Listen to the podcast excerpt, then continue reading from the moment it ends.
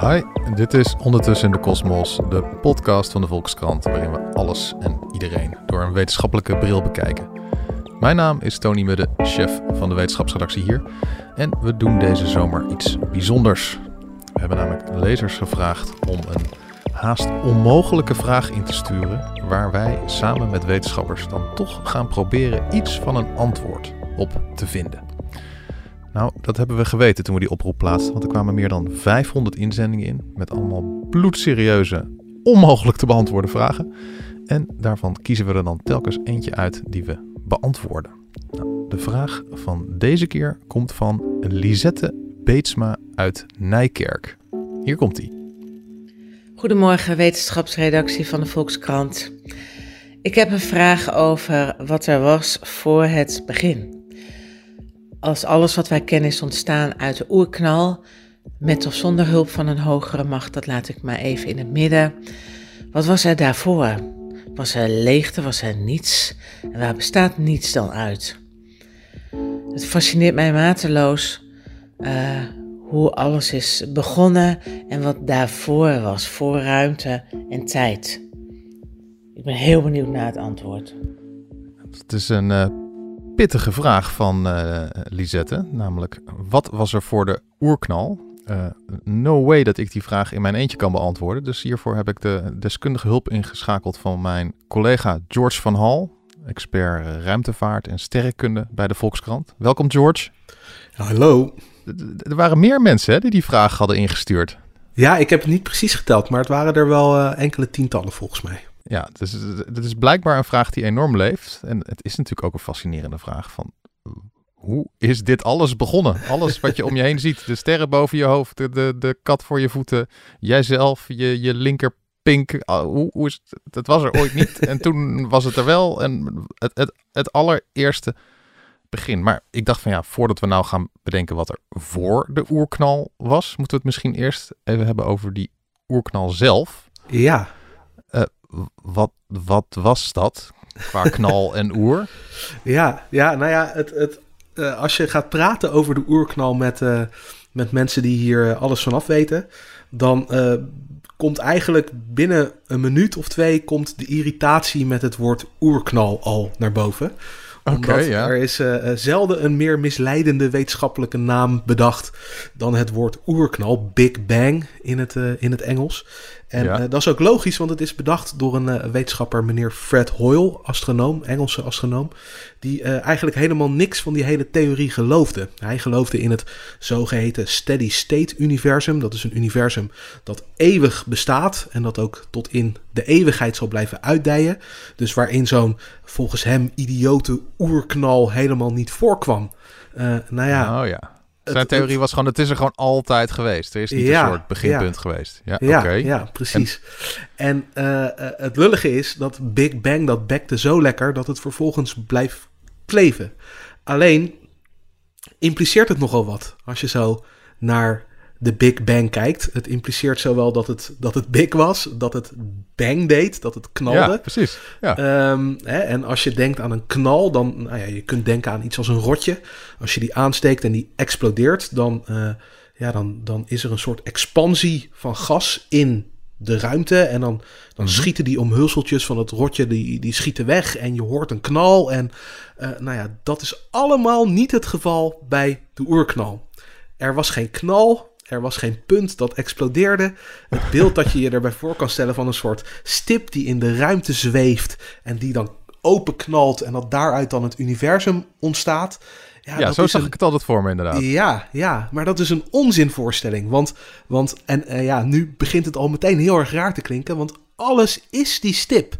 Het hele heelal zit zit in dat begin van de oerknal. Of eigenlijk vanuit ons gezien, als je naar het heelal kijkt, dan vond die oerknal op elke plek die je kunt zien tegelijkertijd plaats in het verleden. Zo'n 13,8 dus miljard jaar zat, geleden. Al die, alles wat er nu om ons heen is, dat zat zeg maar gecomprimeerd in die stip. En daarbuiten was er niks. Ja, en nou ja, die stip is zelfs al een beetje een probleem. Was dat nou een stip of was dat iets groters? Uh, misschien was het ook wel oneindig groot. Hè? Het huidige heelal is ook oneindig groot. Misschien was het begin ook wel oneindig groot.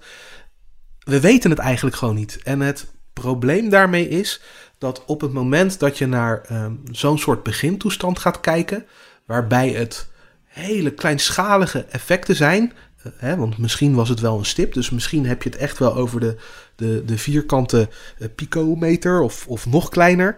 Ehm, Ja. en het gaat over dingen met een enorme dichtheid, want dat hele heelal dat we nu kennen zat dan samengepakt. Ehm, Ja. En het was daardoor enorm zwaar en enorm heet. Nou ja, dat zijn extreme omstandigheden. En daar heb je dan zowel een theorie voor nodig die op die hele kleine schaal werkt. Eh, die theorie hebben we, dat is de kwantumfysica. En je hebt een theorie nodig die die hele dichte toestanden kan beschrijven. Dat is de algemene relativiteitstheorie van Einstein. Maar hier komt het lullige. Die twee willen Ja. niet met elkaar samenwerken. Wat je ook probeert, welke wiskunde je er ook op loslaat, eh, ze passen gewoon niet op elkaar. Het is alsof je een, een sleutel hebt en een, een totaal ander sleutelgat en je krijgt ze met geen mogelijkheid in elkaar gefietst. En dat is een, een probleem waar natuur- en sterrenkundigen al decennia lang tegenaan hikken. Die theorie hebben we niet en die heb je wel nodig om ver genoeg terug te kunnen kijken in die geschiedenis. En dan hebben we het over de eerste fractie van een seconde van het, van het heelal. Eh, hè, vanaf t is 0, dat is waar de meeste mensen de oerknal leggen. Het begin van ruimte en tijd. ja. en dan van, die, tijd, van tijd. van tijdstip- tijd, ja, tijdstip tijdstip nul, ja. 0. Ehm, dan de eerste fractie van een seconde daarna, daar kunnen we dus eigenlijk niks zinnigs over zeggen. We kunnen er alleen maar naar gissen. En, eh, hoe, lang geleden denken wetenschappers dat die oerknal, die geen oerknal mag heten, heeft plaatsgevonden? Eh 13,8 miljard jaar geleden. Dus het is ook echt wel eventjes Ja, terug. maar dat dus, hè? Hoe, bedoel, hoe, hoe weten ze dat? Hoe weten ze zo van, nou, 13,8 miljard jaar geleden is er toch wel iets heel bijzonders gebeurd. Dat zou wel eens het begin van het universum geweest kunnen zijn. Hoe weten ze Ja. dat? Nou ja, eh, dat kun je op verschillende manieren kun je dat zien. Een van de manieren waarop je dat kunt doen is door simpelweg te gaan terugrekenen. En je ziet dat het heelal groter groeit. Ehm, ja, je ziet ook met welke snelheid dat gebeurt. En dan kun je gewoon gaan kijken, als alles om ons heen met een bepaalde snelheid van elkaar afbeweegt, hoe lang duurt het dan voordat alles bij elkaar komt? Oh, Dat is- zo'n manier. Ja, ja, dus, ja, dus als je een soort biljarttafel hebt en, en, en je, je ziet niet hoe het begin van de stoot van de biljartballen was, maar je ziet nog wel hoe de ballen rollen, dan kan je eigenlijk een beetje terugredeneren van, nou, dan kwamen die ballen ongeveer daar vandaan en dan lagen ze waarschijnlijk in het begin allemaal op een kluitje. Ja, ja, in werkelijkheid ligt het overigens wel wat complexer dan dat. Als je die Ja, berekening ik ben een hele simpele man. Ja, ja. Als je die berekening uitvoert, dan krijg je namelijk niet helemaal het goede antwoord. Want er gebeurde aan het begin nog wel wat andere dingen waarschijnlijk. Eh, maar dit is ongeveer wat je je erbij voor kunt stellen. Dit is ongeveer wat ze doen. Ja, ja. Oké. Ja, en, en, en dan zeggen wel de, de, de wetenschappers die jij hebt gesproken, die zeggen van ja, ja oerknal, dat is eigenlijk een beetje eh, een misleidende term. Ja, Maar ik doe ook wel eens eigen onderzoek, George. heel belangrijk nou- heb ik wel eens gelezen. Ja, Ja, heb ik wel- en nou vond ik dus online gewoon een wetenschapper, John Kramer van de University of Washington. Wie kent hem niet? Natuurkundige. En die heeft gewoon een, eh, een filmpje en een audiofragment online gezet. Best wel vaak beluisterd ook op YouTube en zo. Waarin hij zegt van nou, de Big Bang, zo klonk die. En eh, lieve luisteraars, hier komt hij. Zo klonk de Big Bang.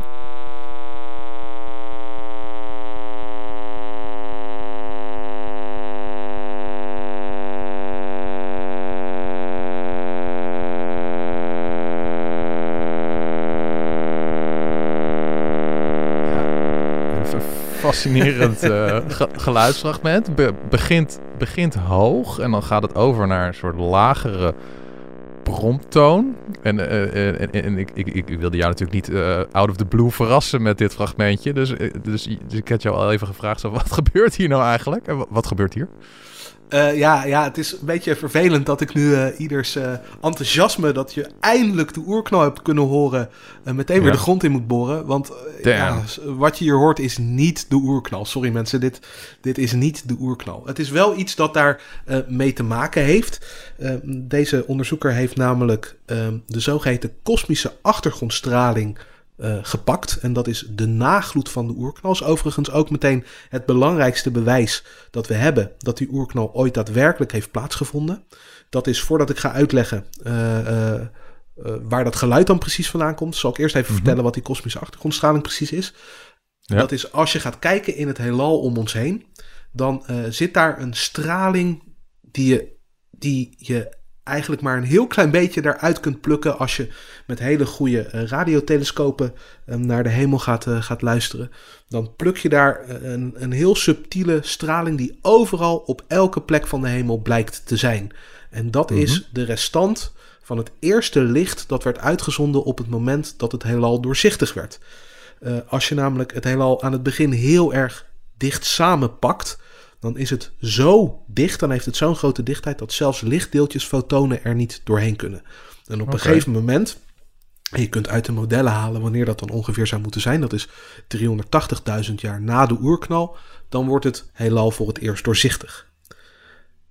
Dat is dus de kosmische achtergrondstraling. Ja, en die straling, Van, van dat licht, die straling, daar, daar kan je dus nog een soort, ja, soort, soort echo hangt er nog steeds ergens in het heelal. Nou ja, wat je, wat je aan die straling onder andere kunt afleiden is hoe heet het moet zijn op het moment dat die straling naar buiten kwam. En dan heb je het over een, eh, een miljoen graden zoiets. En Mhm. ook dat het echt nog steeds waanzinnig dicht moest zijn in het heelal. Dus echt dat alles nog een enorm hoge dichtheid had. En ja, die twee dingen die kun je eigenlijk alleen maar verklaren als het heelal aan het uitdijen was na zo'n oerknal. Als het dus ooit veel dichter was dan het nu is. En dat was, nou ja, de definitieve bevestiging dat dat steady state heelal van Fred Hoyle, dat dat niet klopte, dat kon niet waar zijn. Dat oerknalmodel, eh, dat tot dan toe toch een beetje als een, een, een gek iets werd beschouwd, dat moest dan toch wel kloppen. Eh, Ja, nou ja, goed. Dat grootste bewijs voor de oerknal dus, dat heeft Mhm. deze meneer heeft die, eh, heeft die straling gepakt en dat heeft hij vermenigvuldigd totdat het in een soort ehm, geluidsgolfrange komt. En dus heeft hij die, die lichtstraling, dat energiespectrum daarvan, heeft hij vertaald naar geluid. En dat is wat we horen. Oké, ja. ja. Dus, het is, dus het is normaal, het is gewoon een signaal van de achtergrondstraling. En daarvan heeft hij gezegd van nou, eh, doe maar net alsof het geluid is en dan klinkt het zo. Ja, ja. Ja, precies. Oké. Nou, een be- beetje vals spelen, meneer, eh, meneer Kramer. Maar hij, hij heeft op zijn website heeft hij het goed uitgelegd hoor, wat hij heeft gedaan. Dus het is ook weer niet echt vals spelen. En ja, eh, nou, zal eh, on- onze lezer, eh Lisette Beetsma uit Nijkerk, die deze vraag heeft eh, ingestuurd. En al die andere lezers die, de- die dit zich afvragen, die zal denken, ja, jullie hebben het nou de hele tijd al over de oerknal zelf. Maar mijn vraag was, wat was er voor de oerknal?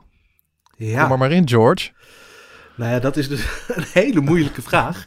Ja. Ehm, en eh, eh, ik zei net al, we weten eigenlijk niet wat er die eerste fractie van een seconde na de oerknal precies gebeurde. Eh, Mhm. het is bijvoorbeeld de vraag of het toen het heelal plotseling versneld ging uitdijen. Dat heet dan inflatie. Dat is een hele populaire theorie. Die is nog steeds niet bewezen. Ehm, zo zijn er nog meer ideeën over dat, dat eerste begin. Ja, en dan ga je je afvragen, wat gebeurde daarvoor dan nog? ja. Dat is, je kunt je voorstellen, dan kun je eigenlijk echt alleen nog maar speculeren. Uh, Mhm. Maar wat de meeste wetenschappers denken, is dit. Um, die denken dat die hele vraag, wat was er voor de oerknal, eigenlijk een onzinvraag is. Um, een beetje hetzelfde als vragen, wat is er ten noorden van de Noordpool? He, de tijd Oké, begon, begon in de oerknal. Voor de Ja. oerknal was er geen tijd en was er geen ruimte. Ja. Ehm, dat wil niet zeggen dat er dan niets was. Als je, als je dan denkt, of tenminste dat wil zeggen dat er niets was. Maar dat er niets was betekent niet dat er een soort leegte is of iets dergelijks. Want een Hmm. leegte is ook iets. ja, ja, het wordt diep filosofisch nu hoor. Mijn hersenen zijn aan het kraken. Ja, ik, ik begrijp het helemaal. Ja. Ehm, hè, als, je, als je de lege ruimte hebt, als je daar alles uithaalt. Sterren, mensen, planeten, sterrenstelsels, zwarte gaten. Nou, je Mhm. veegt alles met een soort grote kosmische bezem in een hoekje. Je zet daar een doos omheen en je kijkt eens naar die ruimte achter je. Ja, dan Ja. heb je nog steeds ruimte over. Ja, ja, oké, ja. En toen er niets was, was er letterlijk niets. Geen ruimte en geen tijd. Oké, ja. Hè, dus, Echt. dus alleen de vraag al. ehm, een van de wetenschappers eh, eh, vertelde, zei het als volgt. Alleen die vraag al is eigenlijk gewoon taalkundig niet eens juist. Omdat je het woord was gebruikt. Wat was er voor de oerknal? En was is een verleden tijd. En er is Mhm. geen verleden tijd, want er is geen tijd voor de oerknal. Dus die vraag zelf is zelfs taalkundig eigenlijk niet correct en niet te beantwoorden. Maar dan is het dus wel zo dat deze wetenschappers dus denken van als, als toen dus tijd en ruimte begonnen en het daarvoor dus dan niets was. Ik, ik begin nu aarzelend, maar als er daarvoor niets was, dan is er dus een soort iets heel groots, namelijk het heelal, is ontstaan uit niets. Ja, en dat is precies wat dat? wij nou zo verschrikkelijk ingewikkeld vinden en waar onze intuïtie een beetje begint te protesteren. Ehm, en dat is misschien ook wel logisch, weet je wel, want wij zijn, wij zijn geëvolueerd hier op aarde met met uh, bossen om ons heen en bomen. Dat is een beetje het grootste wat je, wat je ziet, weet je wel. En uh, met snelheden waarop je kunt wandelen of rennen. En, en nou ja, dat is allemaal totaal iets anders dan die waanzinnige dingen die je in het heelal tegenkomt. Dus onze hersenen zijn daar gewoon helemaal niet op ingericht. Ja. Toch kun je het je misschien ook wel een beetje voorstellen, weet je wel. Als je kijkt naar, uh, naar ons, gewoon wij mhm. zelf eh, mhm. ja, waar waren wij voor onze geboorte of voordat we verwekt werden? Hè, toen bestonden wij ook niet. Onze deeltjes waren misschien wel ergens, dus het is wel net iets anders dan die oerknal. Ja, ja, ja. Maar wij zelf, onze persoonlijkheid, ja, die, die was er ook nog niet. En die is ook ineens uit, nou ja, dan niet helemaal uit niets, maar wel ineens ontstaan. Dus het, wat dat betreft raakt het misschien wel een beetje aan, aan, aan hoe wij als, uh, als mensen leven. Uh, en er komt ook ooit weer een eind aan dat heelal. Uh, hoe precies, dat weten we niet. Maar het heelal is dus, is dus iets, iets eindigs. Uh, vermoeden we, denken we. Want... Wetenschappers denken dat het, dat het ook gewoon een keer weer helemaal ophoudt met gewoon het hele heelal? Ja, ja. Nou ja, kijk, de vraag is hoe ernstig het ophoudt. Of het dan ophoudt en er vervolgens weer letterlijk niets is. Dat mhm. zou kunnen. Uh, of dat het ophoudt en je gewoon iets oneindig groots overhoudt waar je helemaal niks meer mee kunt. Omdat het in een soort energetische grondtoestand is geraakt en, je, en er gewoon geen processen zoals leven of beweging of dat soort dingen meer mogelijk zijn. Dat zou, dat zou ook nog kunnen. Uh, dan is er wel mhm. iets, maar niet iets waar je wat mee kan. Gezellig uh, vooruitzicht, maar dat, dat, dat, dat, dat, gaan, dat, dat gaan onze kinderen niet meer meemaken, denk ik. Uh, nee, dat is over nog heel veel langer dan de huidige leeftijd van het heelal. Um, maar, mhm. wat ik net al zei, hè, we weten niks van die eerste fractie van een seconde. Dus we weten ook zeker niet iets van wat er voor de oerknal zou kunnen zijn. Dus er zijn ook wel wetenschappers die iets anders denken dan wat ik zojuist zei. Er zijn mhm. ook wetenschappers, en uh, Roger Penrose, de Nobelprijswinnaar van twee jaar geleden, uh, is daar het, uh, het, bekendste voorbeeld van. die denken dat er zoiets is als een cyclisch heelal. Dat er voor de oerknal al een eerder heelal bestaan heeft. Hè? Een, soort, een soort toneelstuk met eindeloze aktewisselingen waar nooit een begin of nooit een eind is. Um, en misschien kunnen we dat eerdere heelal zelfs wel op een gegeven moment waarnemen. Hij heeft, ja, het is een wetenschapper, dus hij, hij lanceert niet zomaar een idee. Hij lanceert een idee dat je in theorie misschien ooit met waarnemingen zou kunnen verifiëren. En mm -hmm dat bestaan van zo'n voorgeelal zou je kunnen zien als je een soort ringvormig patroon vindt. En dat patroon dat heeft hij voorspeld hoe dat eruit zou moeten zien in die kosmische achtergrondstraling. Want dan is dat oude heelal misschien gebotst op een soort hele jonge versie van ons heelal. En dat heeft dan zo'n ringvormig spoor in die achtergrondstraling getrokken. Dat zou kunnen. Lijkt wel een soort, soort uh, kosmische variant van het idee van uh, reïncarnatie. Zo van het ene sterft uit en het, en het ander begint weer. Ja, ja, en dat is natuurlijk ook meteen een beetje het euvel van het feit als je gewoon niet weet hoe het zit. Ja, dan kun mhm. je eindeloos blijven bedenken.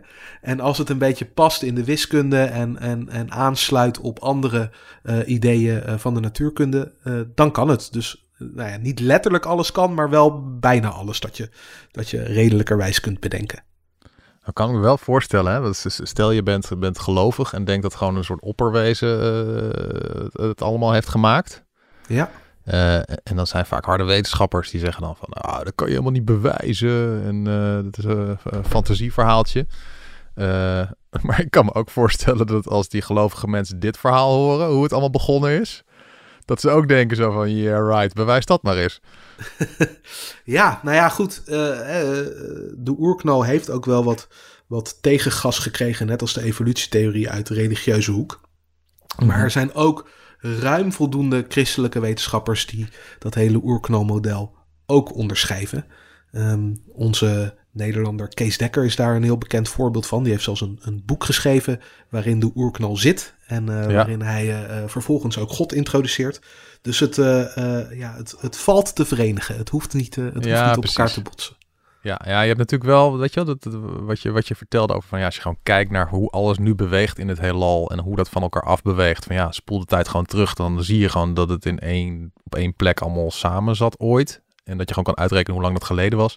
Dat is natuurlijk wel een soort hard bewijs van, nou ja, toen is er echt wel iets bijzonders gebeurd. Ja, ja, ja, en dat, weet je wel, dat is nog tot daar aan toe, want je kunt dat misschien ook weer op een andere manier uh, bewijzen. Het is wel het eerste idee dat aanleiding geeft tot zo'n oerknalmodel. Maar het was die kosmische achtergrondstraling. Uh, dat was echt het moment waarop iedereen zei: Oké, oké, dit is wel echt het bewijs voor de oerknal. Het is denk ik, uh, maar ik zou het moeten nakijken, denk ik ook het enige ding waar ooit drie keer een Nobelprijs voor is uitgereikt. Dus op drie verschillende momenten in de historie is er een Nobelprijs gewonnen voor die ontdekking van die kosmische achtergrondstraling. Ja, dus dat je nog steeds een beetje ruis hoort van wat er toen gebeurd is. Ja, ja, ja. ja ik krijg nu meteen de drang om te kijken of iemand wel eens die kosmische achtergrondstraling als, uh, als geluidje heeft op. Nee, dat was, het was het geluidje. Dat was het geluidje. Oh, dat, was het geluidje van daarnet. Oh, dat was de kosmische achtergrondstraling. Het is uh, inmiddels zelfs, nou ja, zo'n bekend plaatje geworden, want het is een een, een, een foto ook die je op internet kunt opzoeken. Het beeld dat ze daarvan gemaakt hebben. Dat mensen daar zelfs, heb ik een tijdje terug uitgezocht, sokken van verkopen. Waar dan die kosmische achtergrondstraling als patroon op zit. Ik heb ze nog niet aangeschaft, maar ik kwam wel ernstig in de verleiding, moet ik zeggen. ik, ik, ik vind het wel iets voor jou. Ja, ja. maar ja, het, is wel zo'n vraag hè, van... Uh nou ja, de, de opdracht was ook bedenken een haast onmogelijke vraag. Waar, waar wetenschappers uh, misschien een heel klein beetje inzicht in hebben, maar uh, zich vervolgens helemaal stuk op bijten. Dit was er wel eentje. Want wat was er voor Absoluut. de oerknal? Absoluut. En kijk, um, dat antwoord hè, van het is net zoiets als ten noorden van de Noordpool. Dat moet ik er wel bij zeggen, dat is echt wel het meest waarschijnlijke antwoord op basis van onze huidige kennis. Ja. Dus zeer waarschijnlijk was er niets voor die oerknal. Maar het zou ook best kunnen dat er een soort eeuwige herhaling van heelallen voor dat punt t is nul zat. wat vind jij zelf het meest aangename idee? Ja, ik weet het niet. Kijk, het, het, aangename heeft het eigenlijk niet zoveel mee te maken. Het is niet dat ik uh, onrustig ga slapen als tijd wel of niet ooit een beginpunt had. Ja. Uh, uh, ik, ik zou het wel gewoon heel graag willen weten. Maar ja, het is, het is 13,8 miljard jaar geleden, weet je wel. Het heeft ook weer geen enorme impact op ons dagelijks leven. Wat er toen precies gebeurde. Uh, het heelal is nu eenmaal het heelal. Het enige is, als je wil begrijpen hoe het in elkaar zit, ja, dan zou dit ook wel kunnen helpen om dat uh, begrip wat verder te verdiepen. Dit was Ondertussen in de Kosmos, de podcast van de wetenschapsredactie van de Volkskrant. Grote dank aan mijn gast van vandaag, George van Hal, onze ruimtevaart- en sterrenkunde-specialist, die zich samen met wetenschappers stuk beet op de vraag: wat was er voor de oerknal? Wil je een volgende aflevering van deze podcast niet missen? Abonneer je dan op Ondertussen in de Kosmos in je favoriete podcast-app. Mijn naam is Tony Mudde. Graag tot de volgende keer.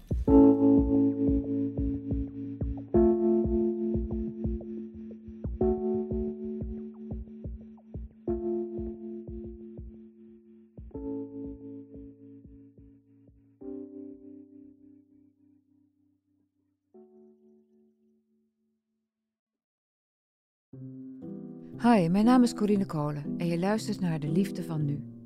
In de 18 jaar dat ik interview over de liefde heb ik die nog nooit zo zien veranderen als op dit moment. Grenzen tussen vriendschap en liefde zijn veel minder scherp. En ook de strikte verschillen wat betreft seksuele geaardheid en voorkeuren zijn aan het vervagen. In deze podcast interview ik telkens iemand die vertelt over hun zoektocht naar liefde en vriendschap. Dit is de liefde van nu.